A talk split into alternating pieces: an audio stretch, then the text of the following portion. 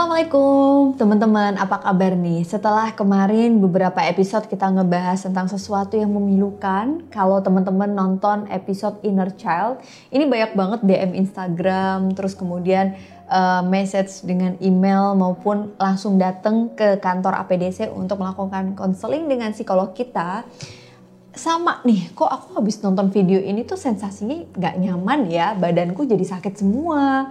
Terus kayak aku jadi ngerasa uh, berusaha mencari apa ya inner childku dan nggak ketemu. Ada juga yang kayak gitu udah dibayang-bayangin kayaknya masa kecilku gitu-gitu aja. Terus kayak waktu aku coba untuk meditasi nggak ketemu bayangan apa-apa tuh I'm okay. Tapi memang sekarang itu ngerasa kayak nggak nyaman gitu. Nah ini muncul banyak satu sisi gelap dari inner child.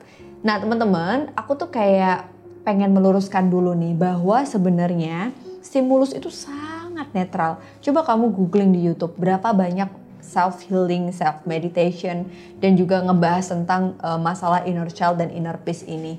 Jadi kembali lagi tergantung kita. Ibaratnya kalian tuh sekarang sakit flu, kita mau ke apotik langsung beli obat yang udah kita tahu iklannya dan emang obat itu bagus ya. Kita mau coba dengan resiko yang mungkin akan ada atau kita mau ke dokter biar hati-hati banget dapat resep dan kita mau minum obatnya sesuai resep dokter.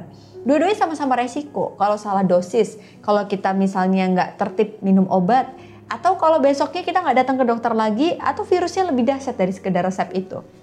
Jadi teman-teman, Stimulus sangat netral, tergantung bagaimana respon kamu, kendali kamu terhadap apa pun yang kamu tonton, yang kamu dengerin. Tapi kalau kamu merasa ada sesuatu yang gak beres dari nonton video ini, welcome to the club. Artinya kamu sudah berproses.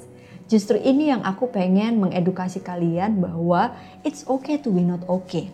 Ketika kita mengenali perasaan tidak nyaman kita, itu adalah proses untuk kita merasakan ketidaknyamanan kita Artinya diri kita sedang berproses. Biarkan aja. Karena nih teman-teman, kalau kita mengacu pada inner child, apa sih inner child? Inner child ini adalah sisi kecil, sosok kecil yang ada pada diri kita. Bisa jadi itu dimunculkan memorinya ketika kita masih kecil, atau bisa jadi itu menetap sampai kita dewasa. Yang di mana kita nggak sadar bahwa sisi kecil itu, si sosok kecil uh, diri kita itu ternyata menetap sampai kita udah dewasa pun muncul pada kebiasaan-kebiasaan kita.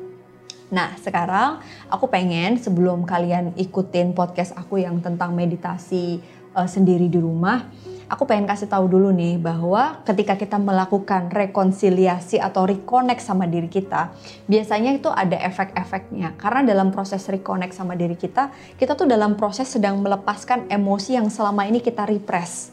Jadi kalau dalam psikologi tuh kayak gunung es gitu ya kalau kita tidak terbiasa mengekspresikan perasaan, bayangkan itu menumpuk puluhan tahun dalam hidup kita. Kita repress, kita repress, kita tekan gitu, kita deny, kita kayak udah nggak apa-apa kok. Anak mama harus sehat ya, anak mama nggak boleh cengeng ya, jangan nangis ya. Tanpa disadari kita mau nangis tuh kita repress. Nah ini salah satunya. Cara kita terkoneksi kembali dengan diri kita adalah ketika kita menyadari betapa diri ini tuh butuh menangis. Itu contohnya.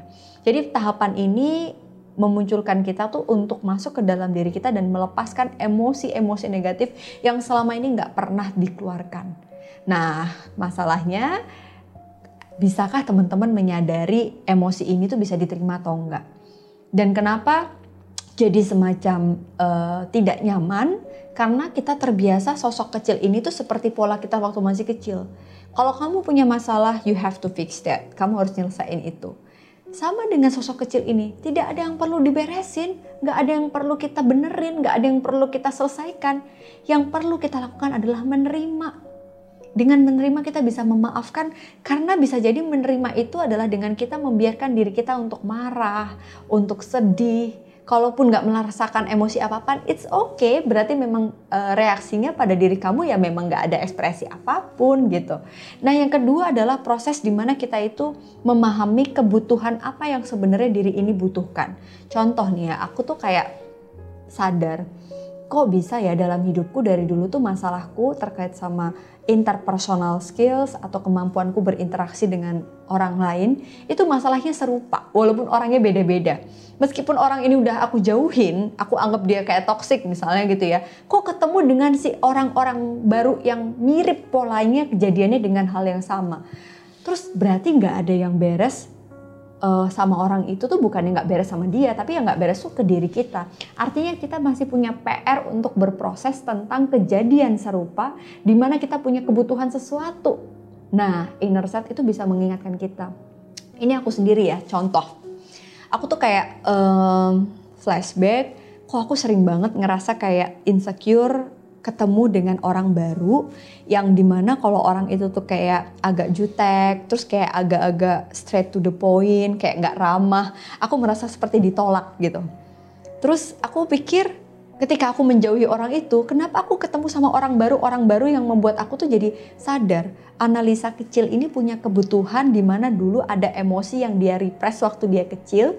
Jadi waktu aku flashback lagi, caranya emang dengan bercerita aku kayak menceritakan tentang oh iya ya waktu SMP aku pernah dapat penolakan apa, waktu SD aku pernah dapat penolakan apa, waktu TK aku pernah dapat penolakan apa, sampai aku sadar ada satu penolakan yang ngebikin aku tuh ngerasa trauma. Nah, ketemu nih. Oh berarti analisa ini punya kebutuhan untuk diterima. Analisa ini punya kebutuhan untuk tidak bisa ditolak oleh orang yang baru dia temui akhirnya dari situ aku menerima sisi itu. It's okay analisa kalau kamu tuh memang punya perasaan itu. It's okay kalau kamu tuh memang nggak bisa berdamai sama itu.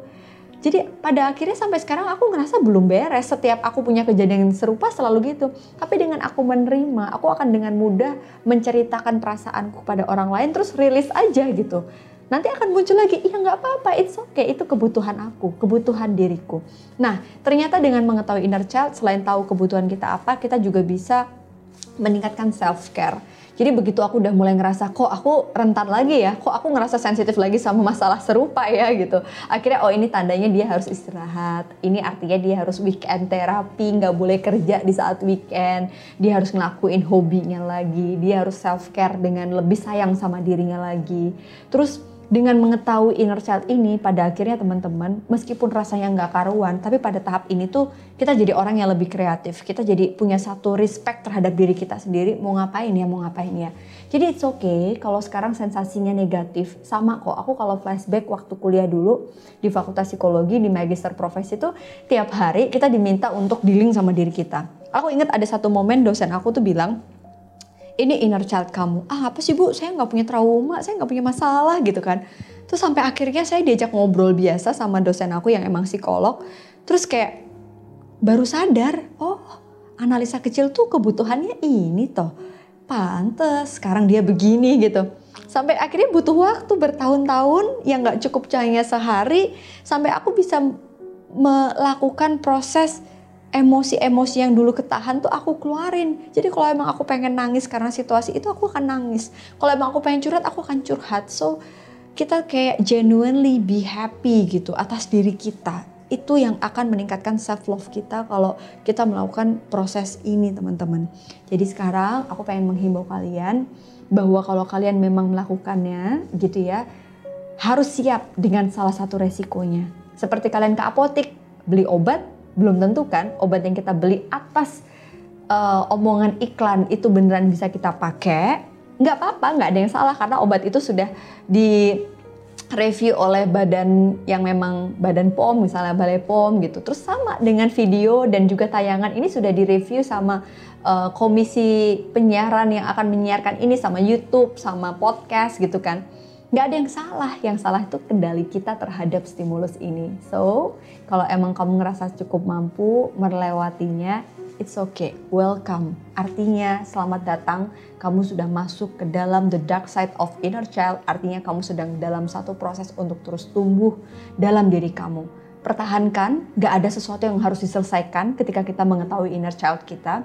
Yang harus kita hadapi adalah menerimanya dengan sebaik mungkin tingkatkan self love kamu, tingkatkan self inner peace kamu. Dan di situ teman-teman akan ngerasa yang namanya rasa cinta dan care sama diri sendiri. Jadi kalau kalian ngerasa video ini bisa menjawab kegelisahan teman-teman, thank you ya atas inputnya dan aku ngerasa juga ini jadi salah satu masukan juga buat kita untuk terus bikin konten, nggak boleh nanggung, harus ada penjelasan berikutnya.